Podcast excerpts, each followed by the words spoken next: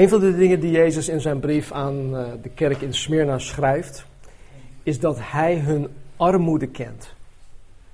Hij zegt, ik ken jullie armoede. En tegelijkertijd schrijft Jezus dat zij rijk zijn.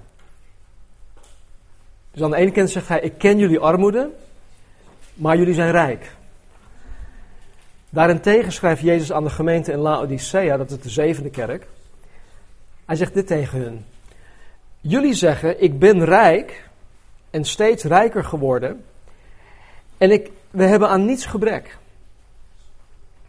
Maar u weet niet dat u juist ellendig, beklagenswaardig, arm, blind en naakt bent.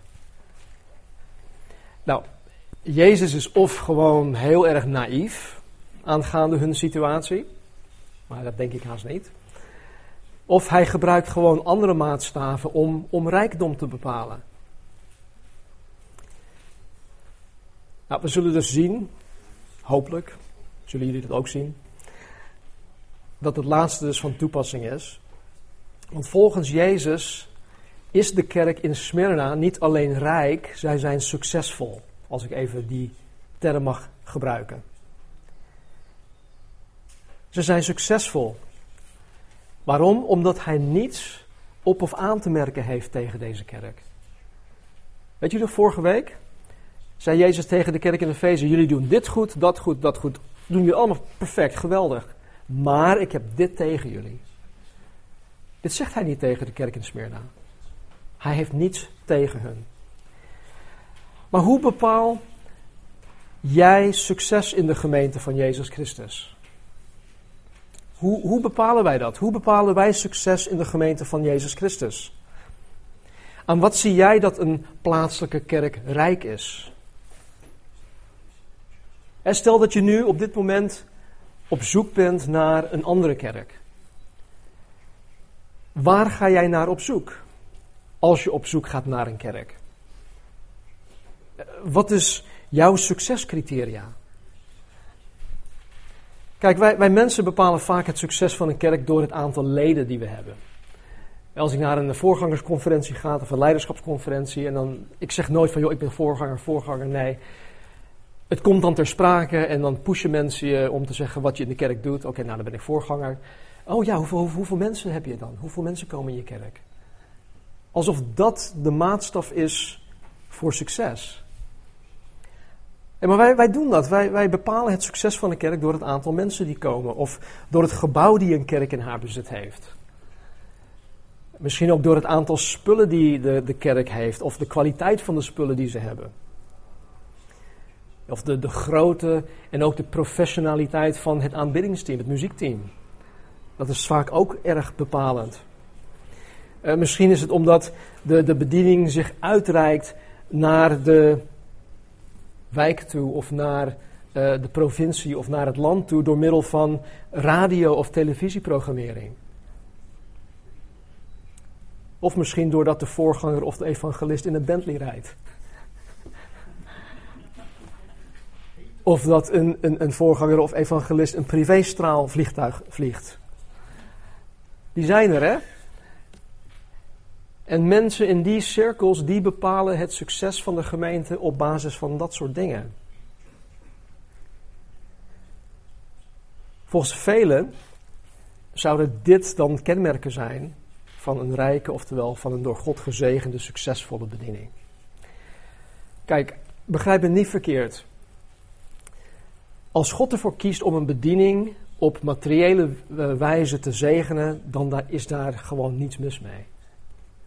Ik voel me super gezegend dat wij dat videocameraatje hebben, dat ik hier een iPad heb, dat ik hier een MacBook heb, dat we microfoons hebben. Dus daar is op zich niks mis mee. Maar als men het succes van de bediening slechts aan dit soort welvaart meet, dan slaan zij de plank volledig mis. Want daar draait het uiteindelijk niet om. Laten we uh, onze Bijbels openslaan op Openbaring 2. En dan lezen we vanaf vers 8 tot en met 11 vandaag. En schrijf aan de engel van de gemeente in Smyrna. Dit zegt de eerste en de laatste, die dood is geweest en weer levend is geworden. Ik ken uw werken, verdrukking en armoede. U bent echter rijk. En ik ken de lastering van hen die zeggen dat zij Joden zijn, maar het niet zijn. Zij zijn namelijk een synagoge van de Satan. Wees niet bevreesd voor wat u lijden zult. Zie, de duivel zal sommigen van u in de gevangenis werpen, opdat u verzocht wordt. En u zult een verdrukking hebben van tien dagen. Wees trouw tot in de dood, en ik zal u de kroon van het leven geven. Wie oren heeft, laat hij horen wat de geest tegen de gemeente zegt. Wie overwint, zal zeker geen schade toegebracht worden door de tweede dood. Tot zover. Smyrna was net zoals Efeze een, een havenstad. Maar er was niets van, uh, er was niets van overgebleven. Dat hebben we vorige week ook gezien. Jezus zei aan het einde ook: Als jullie je niet bekeren, zal ik de kandelaar van zijn plaats wegnemen. En uiteindelijk heeft Jezus de kandelaar, de kerk van Efeze, weggenomen. Hij heeft de stekker eruit getrokken. Er is vandaag de dag ook helemaal niets van deze kerk in Efeze meer over. Sterker nog, er is helemaal niks meer van Efeze over. Een aantal steentjes op elkaar opgestapeld. Maar Smyrna is op dit moment de op drie na grootste stad van Turkije. Alleen heet het geen Smyrna meer, het heet nu Izmir. En Smyrna betekent mirre. Mirre. Mirre is een uh, bepaalde stof, het is een hars, dat gewonnen wordt uit een, uh, een soort bloemdragende plant. Een van de producten uh, van de, de, die van mirre gemaakt wordt, is, is olie, onder andere. Vandaag de dag wordt het in, ja, vooral in de New Age beweging gebruikt als esoterische olie. Maar het was een product. En Smyrna stond destijds ook bekend voor de mirre dat daar gewonnen en daar geproduceerd werd. Ik weet niet of dit, dit is mirre. Nee, nee, dit is iets anders.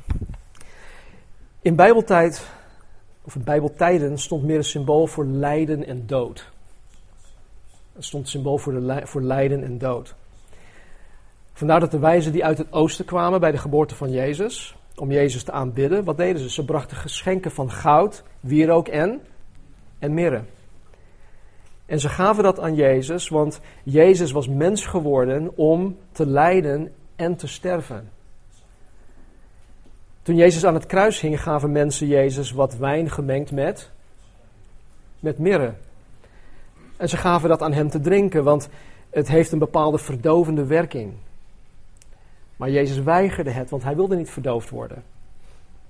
Toen Jozef van Arimathea en Nicodemus Jezus begroeven, balsemde zij het lichaam van Jezus met heel veel, het was 100 pond, aloe en, en mirre. Het was een mengsel daarvan.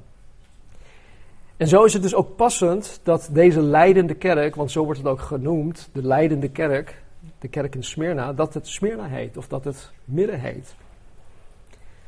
En nog even een kanttekening, dit is, vind ik zo ontzettend mooi. Bij de eerste komst van Jezus, ehm, toen Jezus voor onze zonde moest lijden en sterven, brachten de wijzen uit het oosten goud, wierook en mirre.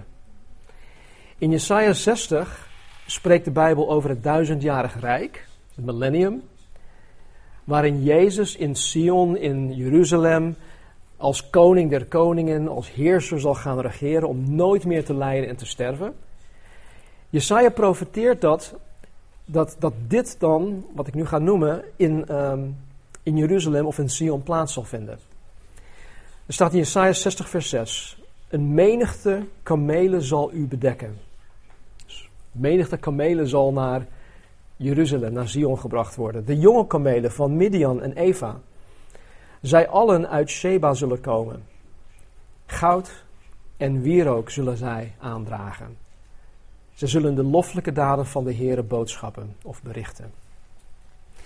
Nou, omdat er geen sprake zal zijn van lijden en van de dood, of het sterven bij de, bij de wederkomst van Jezus Christus, is er in deze profetie dus ook geen sprake van mirre. Want mirre stond symbool voor lijden en sterven. Dus ja, dat, is, dat, dat zijn van die kleine uh, ja, nuggets die ik dan zo mooi vind. Dat, daar lees je zo overheen. Maar als je nagaat, bij de eerste komst van Jezus, hij is mens geworden, goud, wierook en mirre, wat symbool stond voor zijn lijden en zijn dood. Nu bij zijn wederkomst als koning der koningen, als heerser van het heelal, is er geen sprake van mirre, omdat er geen sprake is van lijden en dood. Jezus is eenmaal voor onze zonde aan het kruis gestorven en hij is uit de dood opgestaan om voor eeuwig te blijven leven. En wat Martien vanmorgen ook zei, dat hij, hij wordt daar gelukkig van. En Naomi die, die zong dat ze daar gelukkig van wordt. Toen we de zaligsprekingen behandelden, een hele tijd geleden in Matthäus, zei ik dat gelukzalig of zalig zijn zij die dit, dit en dat. Nou, dat betekent gewoon dol, dol gelukkig zijn. En Martien gaf vanmorgen aan dat hij dolgelukkig wordt door het leven. Dus schrijf aan de engel van de gemeente in Smyrna. Dit zegt de eerste en de laatste die dood is geweest en weer levend is geworden. Nogmaals, zoals ik vorige week heb uitgelegd, is de engel van de gemeente de menselijke boodschapper of leider van de gemeente. Uh, het, was, het was iemand die dan over de plaatselijke kerk in Smyrna de leiding had. En dat zou of een voorganger zijn geweest of een oudste, hoe dan ook. In ieder geval, het was iemand die leiding had over de gemeente. En wat ik zo mooi vind, is Jezus grijpt in zijn begroeting elke keer terug naar de omschrijving van zichzelf in Openbaring hoofdstuk 1. Waarin Jezus zichzelf aan de apostel Johannes kenbaar maakt in, in, in, de, in het visioen. Vorige week zagen wij in Openbaring 2, vers 1 dat Jezus zich voorstelde in, aan de kerk in Efeze als hij die de zeven sterren in zijn rechterhand houdt, die te midden van de zeven gouden kandelaren wandelt. Deze omschrijving is trouwens terug te vinden in Openbaring hoofdstuk 1, vers 13 en 16. Hier in Openbaring 2, vers 8 stelt Jezus zich aan de kerk in Smyrna voor als de eerste en de laatste die dood is geweest en weer levend is geworden. En deze omschrijving van zichzelf is terug te vinden in Openbaring 1, vers 17 en 18. Nou, de reden waarom Jezus in, in, in de opening van elke brief andere eigenschappen van zichzelf noemt, is omdat de eigenschappen die hij dan noemt, relevant zijn voor de desbetreffende kerk. En de situatie waarin zij zich bevinden. De kerk in Efeze moest weten dat Jezus het hoofd van de gemeente is. Waardoor hij de autoriteit heeft om de kerk voort te laten bestaan of niet. Jezus zei tegen hun dat als zij zich niet bekeren, hij de stekker eruit zou trekken. En dat heeft hij ook gedaan. Hij was bij machten om dat te doen. En nu aan de kerk in Smyrna stelt Jezus zich voor door specifieke eigenschappen van zichzelf te noemen die voor de kerk in Smyrna relevant zijn. Jezus wil dat zij weten met wie zij te maken hebben. En wie is dat? Schrijf aan de engel van de gemeente in Smyrna, dit zegt de eerste en de laatste. In Jesaja 44:6 zegt God dit van zichzelf. Ik ben de eerste en ik ben de laatste. En buiten mij is er geen God. Nogmaals, Jesaja 44:6. Ik ben de eerste en ik ben de laatste en buiten mij is er geen God.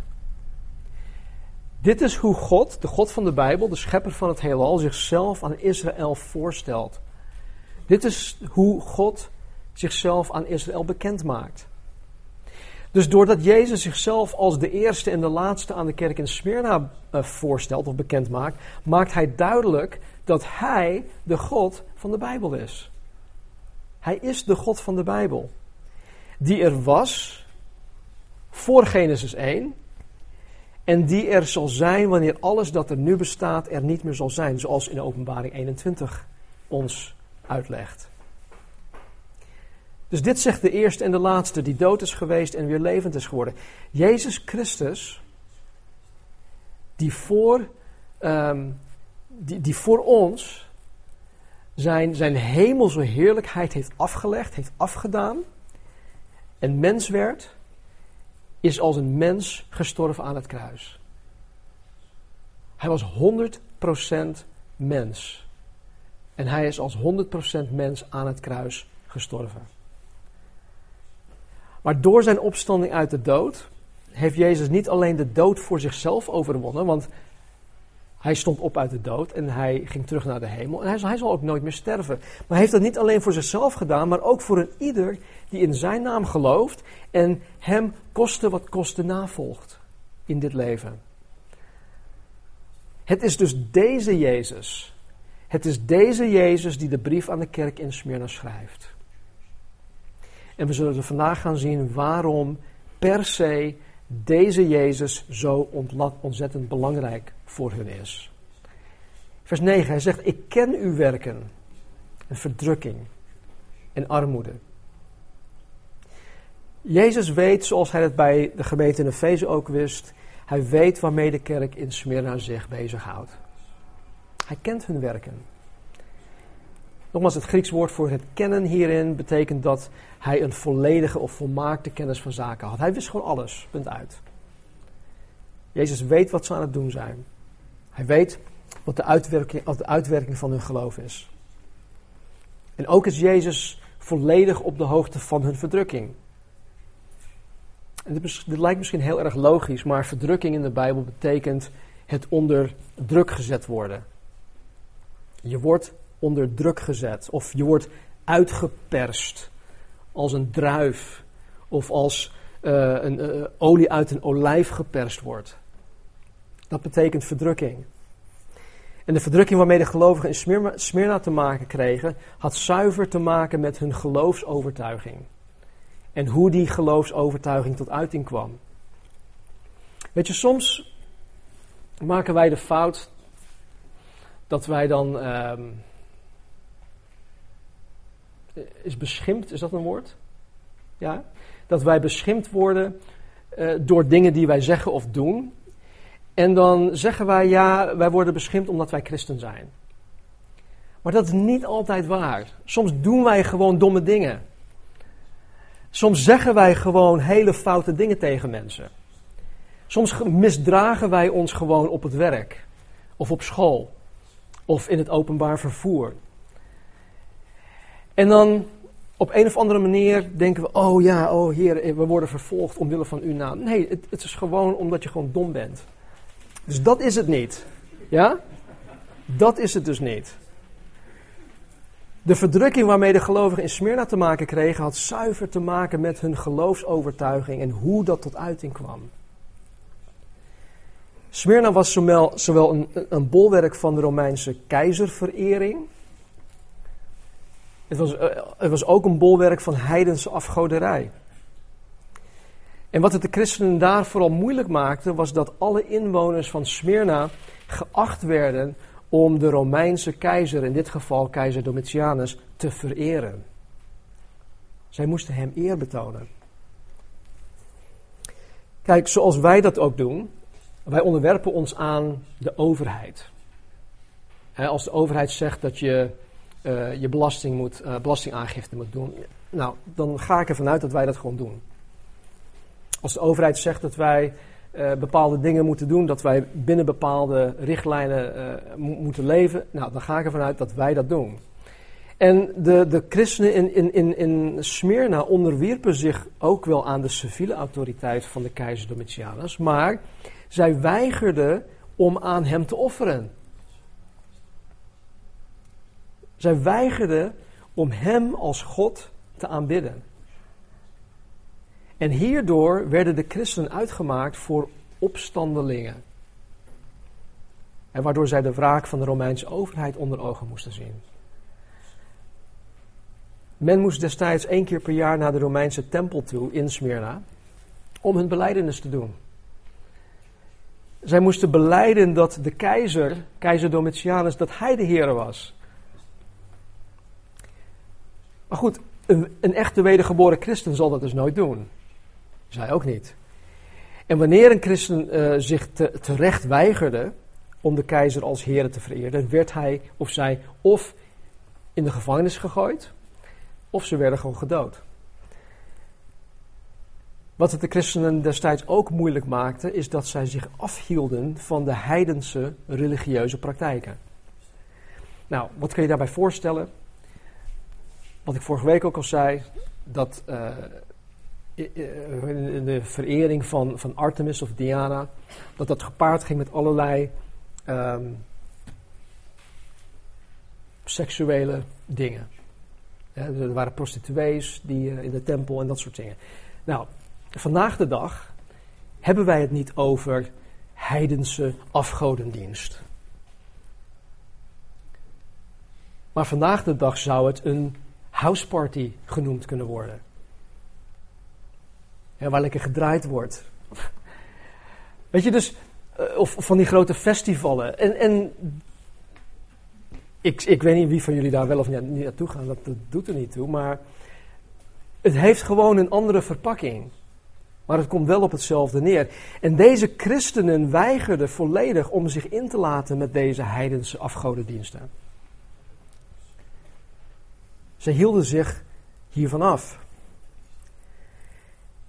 Daarnaast dienden deze christenen een onzichtbare God. Wat ook heel raar was, want daar hadden ze altijd een beeldje voor al hun goden. En zij werden dus uitgemaakt als atheïsten. Dat is toch bizar? Christenen, wedergeboren christenen, geestvervulde christenen werden door de samenleving uitgemaakt als atheïsten. Omdat zij niet meededen aan de afgodendienst. En ze niet meededen aan al die andere dingen. Nou, ook omdat het hele sociale gebeuren in Smyrna om deze heidense afgodendienst draaide. En omdat de christenen daar niet in meededen, werden deze christenen ook nog eens als asociaal bestempeld. En ik, ik herken dat wel. Toen ik nog in de zakenwereld werkte, er, gewoon, er waren gewoon bepaalde dingen waar ik niet aan meedeed.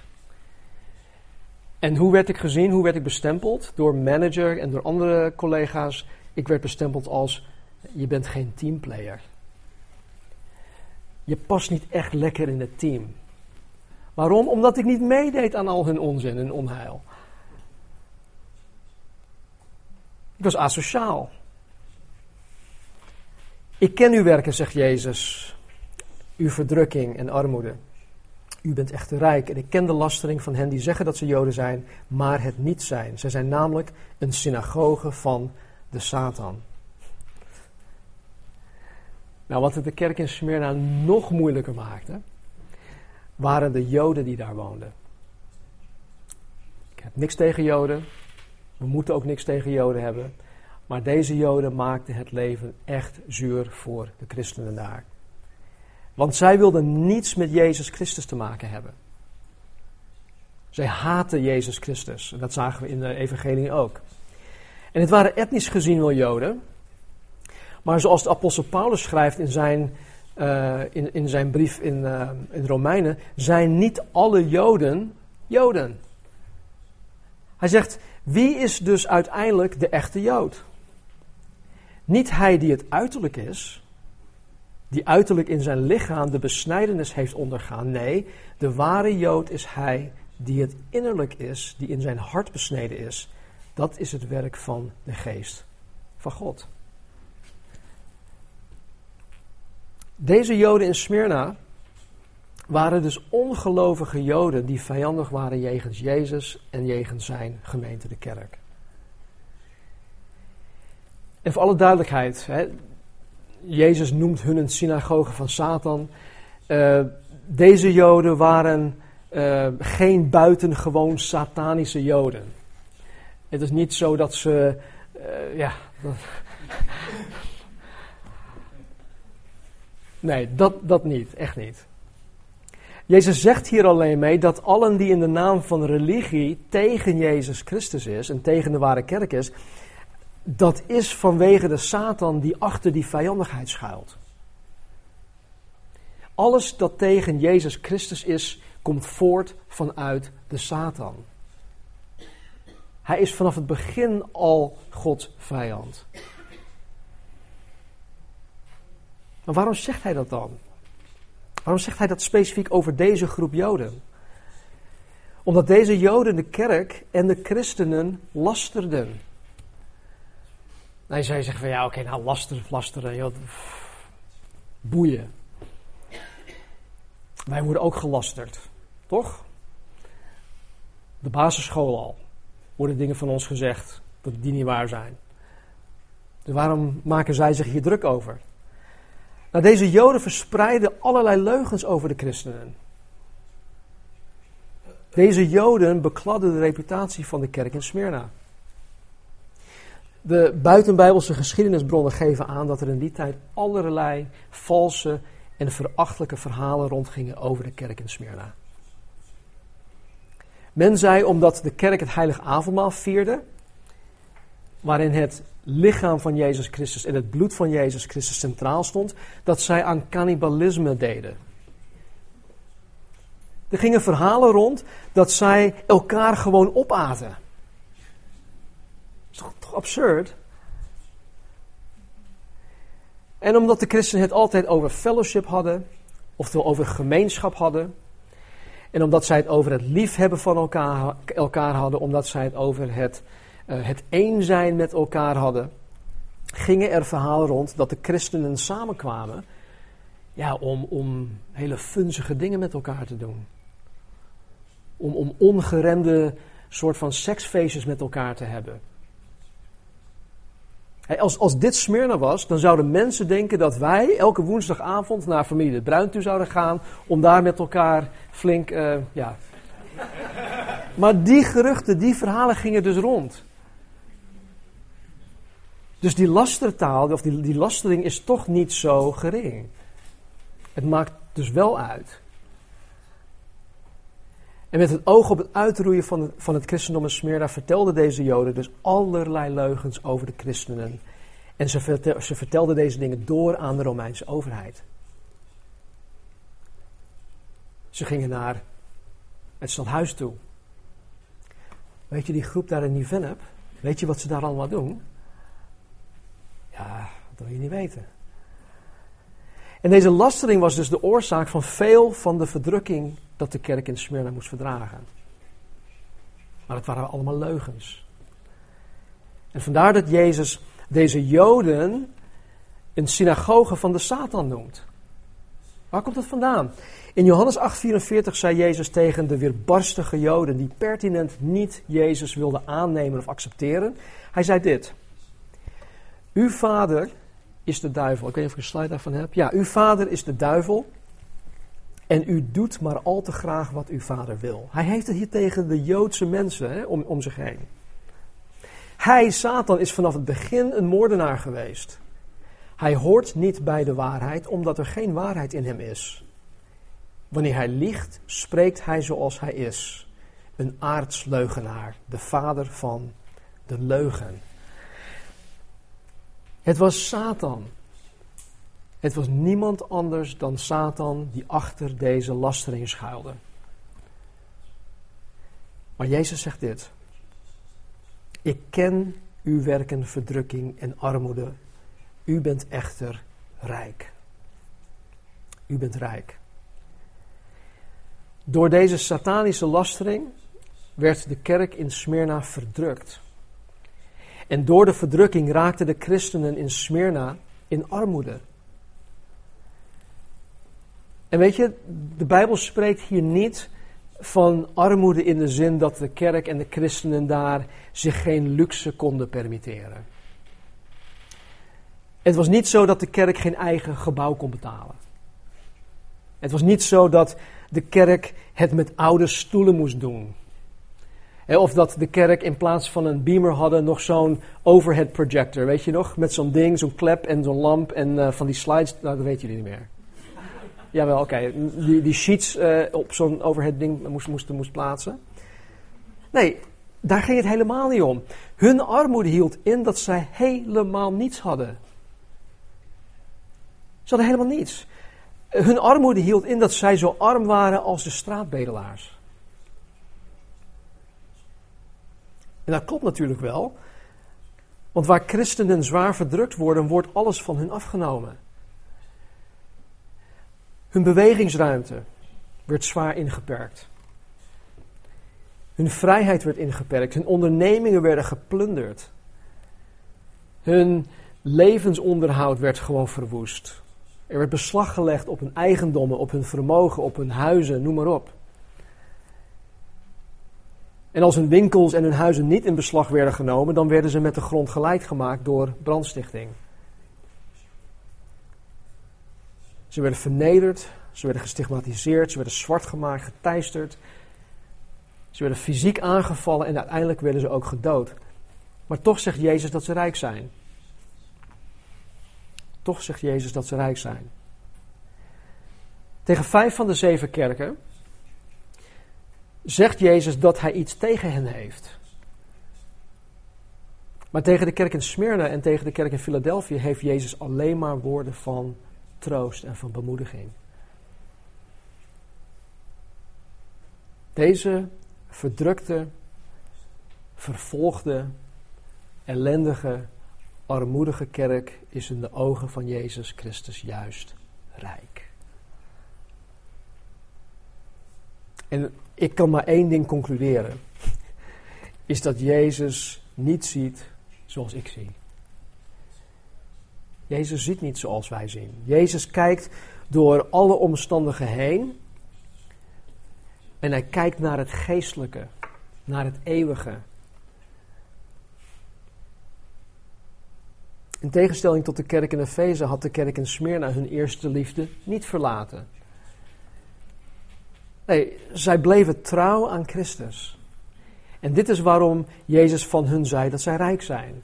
Hun rijkdom is in Christus. Deze kerk had de ware rijkdom verworven uit Lucas 16. Lees Lucas 16 maar. Deze kerk had voor zichzelf de schatten in de hemel verzameld uit Matthäus hoofdstuk 6.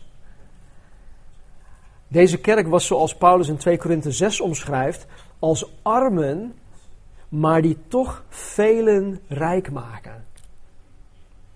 Dat zou geweldig zijn als dat op, op een grafsteen te komen staat. Stan was arm, maar hij maakte velen rijk.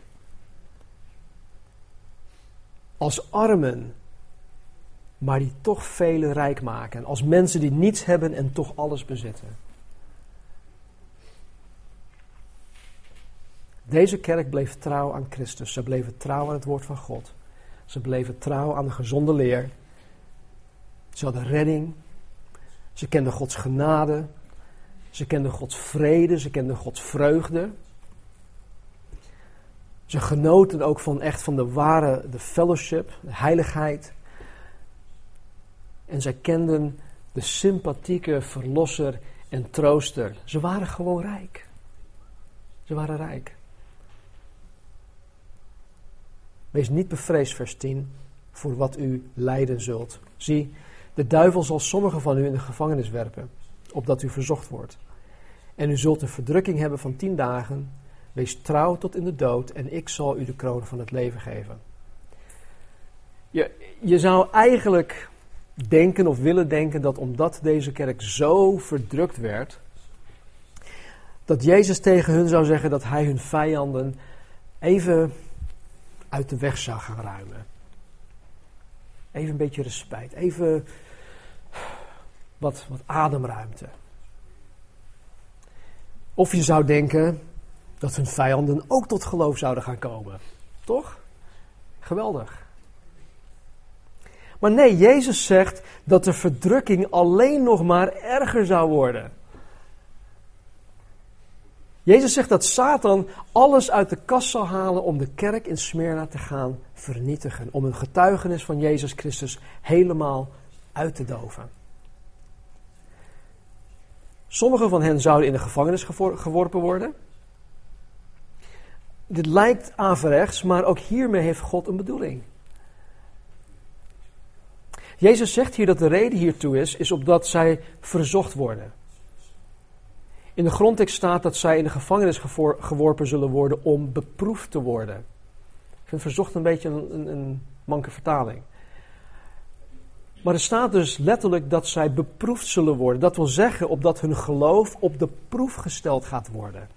Ze worden omwille van Jezus Christus in de gevangenis gegooid om hun geloof op de proef te stellen.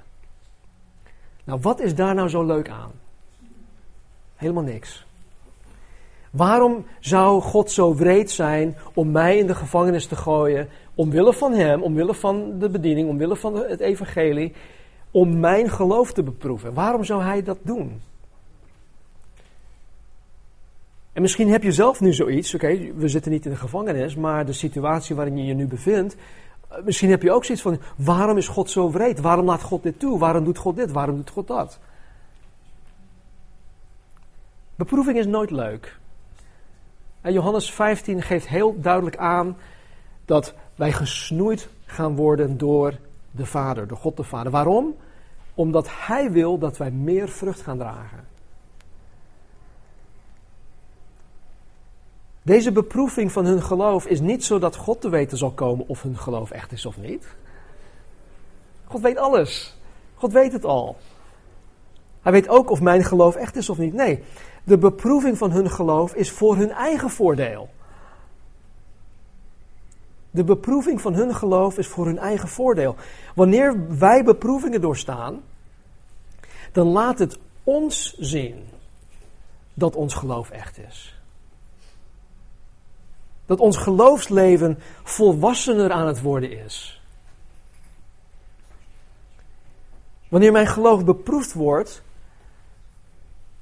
laat het ons zien of laat het mij zien dat onze toewijding aan Christus toegenomen is. Beproeving is dus goed. Beproeving is heel goed. God vindt dat het goed is. Daarom laat hij het toe. En u zult een verdrukking hebben van tien dagen. Wees trouw tot in de dood en ik zal u de kroon van het leven geven. Jezus zegt dat zij verdrukking zullen hebben van tien dagen. Wat Jezus hier precies mee bedoelt, ik geef het eerlijk toe, ik heb geen flauw idee. Het kan inderdaad gewoon letterlijk tien dagen zijn. Kan. En ik zou eerder denken dat dat, dat, dat het is. Er zijn allerlei uiteenlopende meningen hierover, maar ik kan me in geen enkele, enkel van deze meningen vinden. Dus ik ga jullie ook niet belasten met al deze verschillende meningen hierover. Wat ik wel weet, dat is trouwens een goede les voor jullie. Als je iets niet weet, kan je altijd terugvallen op datgene wat je wel weet. Ja? Oké. Dus wat ik wel weet, is dat Jezus hier bepaald heeft dat het van korte duur is. Tien dagen. En vooral in het licht van de eeuwigheid is dit van korte duur. Wat ik ook zeker weet, is dat Jezus bepaald heeft dat de verdrukking voor tien dagen zal zijn. Hoe lang dat ook mag zijn. Dit houdt dus in dat niemand, zelfs Satan niet, deze verdrukking elf dagen kan laten duren. Snap je? Jezus zelf heeft bepaald tien dagen. Niemand kan bepalen dat het elf of twaalf of dertien dagen zal worden. Hij heeft het bepaald. Punt uit. En Jezus zegt dat als zij hem trouw blijven tot in de dood, hij hun het eeuwig leven zal geven. De kroon van het leven is niet een, echt een echte kroon, maar hier spreekt de kroon van het leven gewoon voor eeuwig leven zelf. Daarom was het belangrijk dat Jezus zichzelf aan hun voorstelde als degene die dood is geweest en weer levend is geworden. Dat wil zeggen dat hij, Jezus, de dood heeft overwonnen. En omdat hij de dood heeft overwonnen, dat, dat, dat had gewoon een gigantische bemoediging voor hen zijn geweest. Wat als Jezus nu tegen jou zegt? Wees trouw tot in de dood. We weten niet wat er eh, op het wereldtoneel speelt. We weten niet eh, hoe lang wij hier in Nederland nog vrijheid hebben om dit te mogen doen. Maar stel dat het zo ver komt. En Jezus zegt tegen jou: wees trouw tot in de dood. Kijk, als ik dat zou zeggen tegen jou, wat voor betekenis heeft dat? Maar omdat Jezus het zegt, Hij die uit de dood is opgestaan, die de dood heeft overwonnen, dan heeft het pas betekenis. En daarom stelde Hij zichzelf ook als degene die dood was, die opgestaan is. En dat Hij de dood overwonnen heeft. Hij heeft, heeft zichzelf zo voorgesteld aan deze gemeente.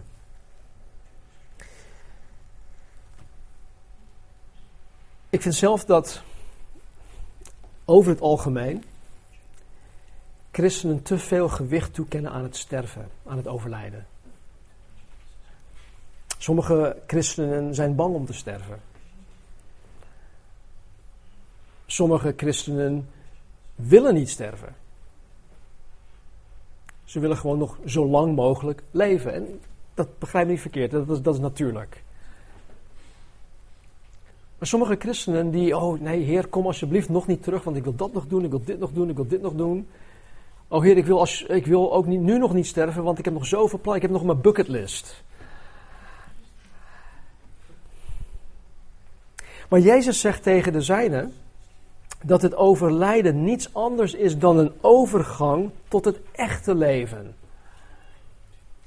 Het eeuwig leven is het echte leven. Dit is, pas, dit is maar een, een verafschaduwing van wat wij uiteindelijk zullen krijgen. En dit, zoals Keith Green zei in, in een van zijn liederen, ehm, als Jezus of als God de aarde in zes dagen schiep en hij is nu al 2000 jaar bezig om mijn uh, woning in de hemel voor te bereiden, dan leven wij in een container. In dit leven.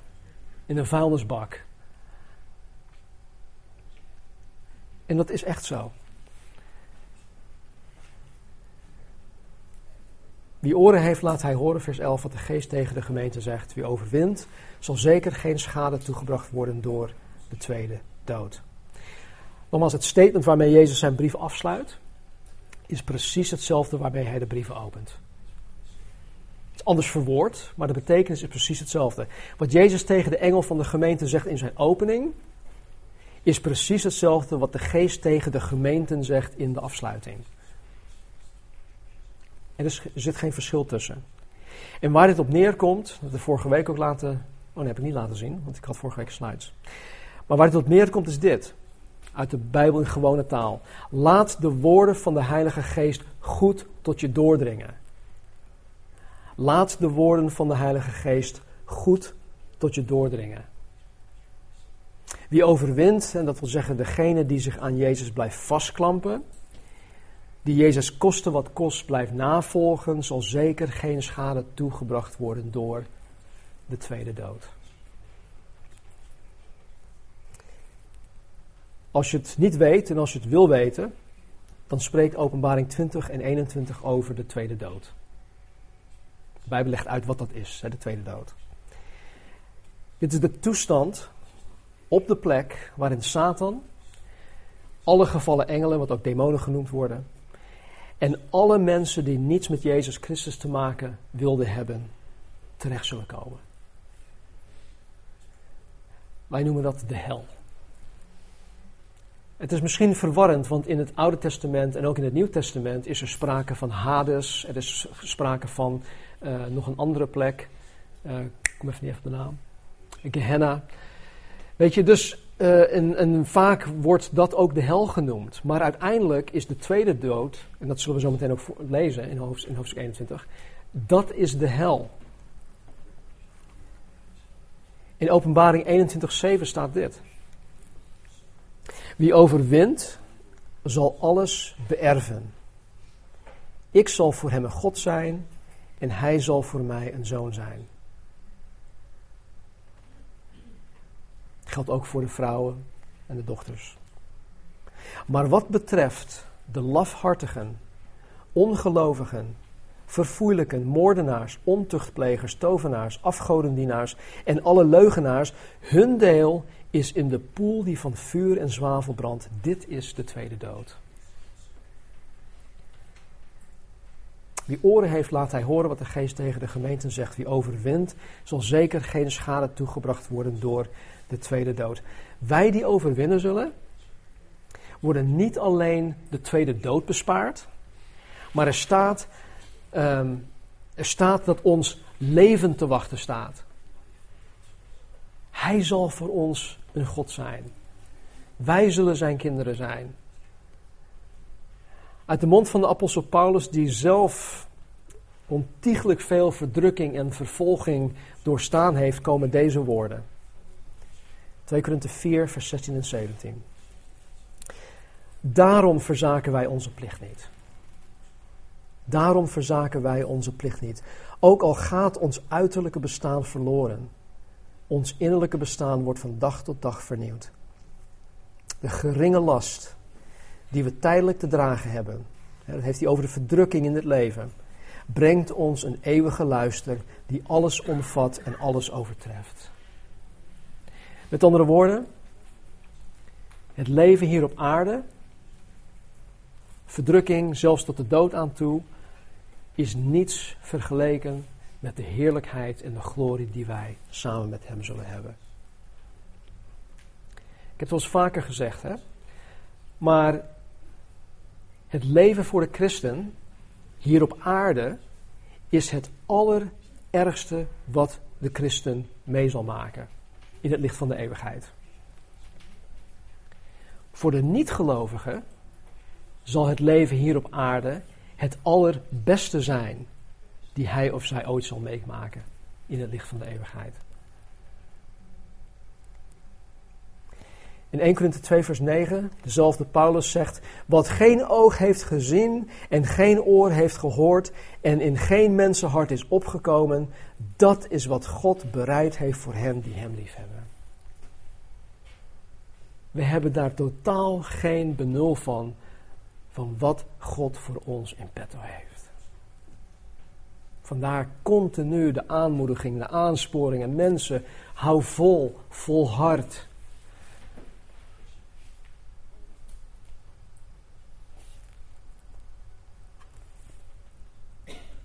Wie overwint, zal zeker geen schade toegebracht worden, voor, worden door de tweede dood. Hoe laat is het? Oké, laten we bidden. Hemelse Vader, ik dank u dat u deze brief aan ons gegeven hebt. Jezus, dank u wel dat u deze brief geschreven hebt aan de kerk in Smyrna. Dank u wel, Heer, voor hun voorbeeld voor hun getuigenis. Dank u wel voor Polycarp, die 50 jaar na het schrijven van deze brief, Heer, ook gemarteld en gedood werd. Die tegen zijn martelaren zei dat het vuur dat zij gaan opsteken maar voor even duurt. Maar een eeuwige vuur. Die voor Satan bestemd is, voor eeuwig zal branden. En dat hij een opriep om tot bekering te komen. Heren, wij weten helemaal niets af van wat verdrukking en vervolging is. Vergeef ons alstublieft, heren, voor het continu zeuren en zaniken over hoe moeilijk het wij het hebben. Vergeef ons, heren, waar we ondankbaar zijn voor de rijkdommen die wij hebben in Christus. Vergeef ons, Heer, waar wij onze eerste liefde hebben verlaten. En breng ons terug, Heer, naar die plek waarin wij gewoon continu dankbaar zullen zijn. Geef ons ogen, Heer, om te zien hoe rijk wij zijn in Christus.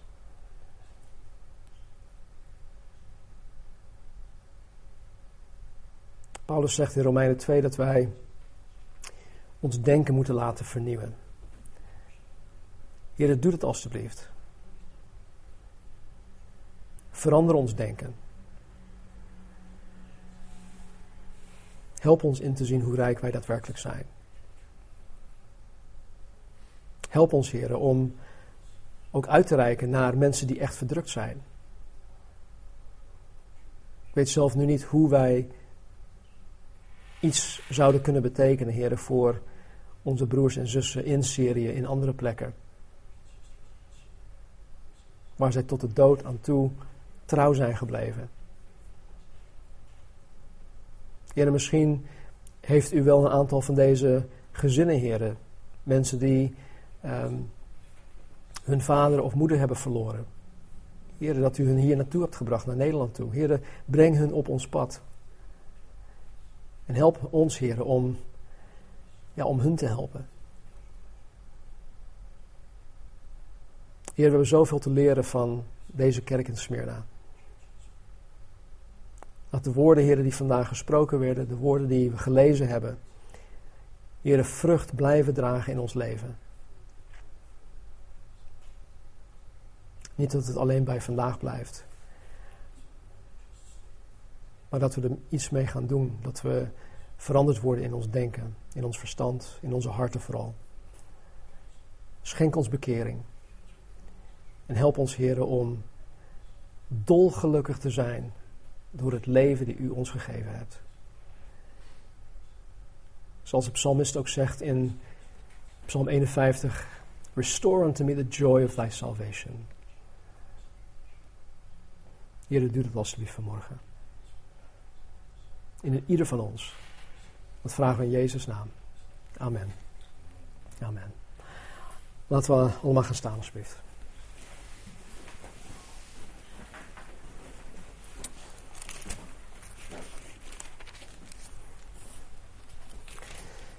Aan het einde van Romeinen hoofdstuk 8 zegt Paulus dit. Wie zal ons scheiden van de liefde van Christus? Verdrukking? Of benauwdheid? Of vervolging? Of honger? Of naaktheid? Of gevaar? Of zwaard? Zoals, zoals geschreven staat, want omwille van u worden wij de hele dag gedood. Wij worden beschouwd als slachtschapen. Maar in dit alles zijn wij meer dan overwinnaars door Hem die ons heeft liefgehad. Want ik ben ervan overtuigd dat nog dood, nog leven, nog engelen, nog overheden, nog krachten, nog tegenwoordige, nog toekomstige dingen, nog hoogte, nog diepte, nog enig andere schepsel ons zal kunnen scheiden van de liefde van God in Christus Jezus onze Heer. Mensen, wat zijn wij rijk. Wij zijn nog rijker dan de Rothschilds van deze wereld. Wij zijn rijk. Wandel in die rijkdom deze week. Vertel het aan anderen hoe rijk je bent. En deel die rijkdom met elkaar en met mensen, de echte arme mensen om je heen. De arme mensen die Jezus Christus nog niet kennen.